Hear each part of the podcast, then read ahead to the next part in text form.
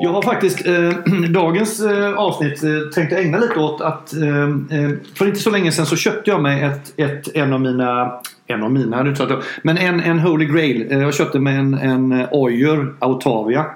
Eh, Ska vi säga kanske att den heter Hoyer och inte Oyer eftersom...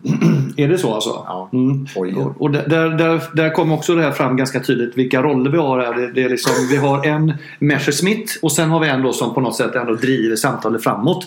Så jag ska försöka fortsätta med men jag tackar ändå för det. Hoyer. Autavia. Det är alltså en, en tribute till en av de här gamla klassiska uren ifrån Hoyer innan det då blev uppköpt av Tag.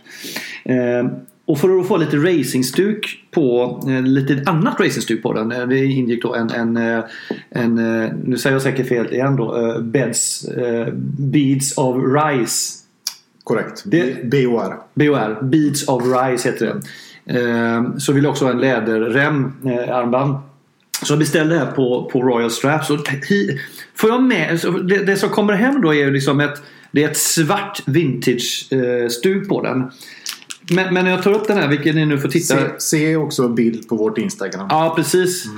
Eh, Och I ambitionen då att få det här bandet att se slitet ut så har de lyckats bygga upp någon Nej, nej de har, egentligen kan vi säga att de har inte lyckats med någonting utan de har misslyckats kapitalt.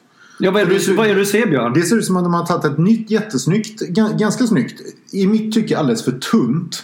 Men fortfarande ganska snyggt arbetat läderband och så har de liksom dratt med en rasp några varv precis mitt på bandet. Så att Mm. det är liksom ser slitet ut precis på mitten men i övrigt ser det helt nytt ut. Det är ja, totalt haveri skulle jag säga. Jag, jag tycker också här på de här, eh, eh, vad heter de här som håller remmen på plats här? De här rem, rem- remhållarna. Remhållarflätorna. Mm, så ser det nästan ut som att, att eh, lackeringen har fått en, en vattenskada. Mm. Så att eh, bandet ser mer så att säga, defekt och skadat ut än slitet. Absolut. Eh, jag mejlar då till eh, Royal Straps, jag tror han heter Mattias där. Ja, mycket trevlig för. Jättetrevlig, inga problem alls. Eh, han vill ju då hävda och påstå att det är så här det ska, det ska se slitet ut. Men han tar tillbaka, det är inga bekymmer. Och jag kan ju ändå inte låta bli så att jag, jag förstår att det var tanken. Men det var inte riktigt det som blev utkomsten av det hela. Och det framgår inte heller riktigt av, av bilderna på, på webbsajten att, att det, det är en sån här en sånt här slutresultat jag skulle få. Nej, nej det, här är, det här är ju inte, det här är inte liksom snyggt vintage utan det är ju bara misslyckad nyproduktion liksom. ja, Ja. Eh, och då är det ändå Gikota Top Grain Leather va? Ja, och grejen är att eh, på tal om olika klockbandsleverantörer eh, så är ju just en, en av mina favoriter är just Gekotta. Eh, och de, har, de hade det här i sin webbshop men bara upp till 22, eh, 20 mm. Och i och, med, i och med att min Hoyer då är 21 så vill jag hellre ligga på 22 och klämma in den att det blir lite glapp då. Och då fanns inte den i den färgen. Så det var därför jag fick välja Royal Straps.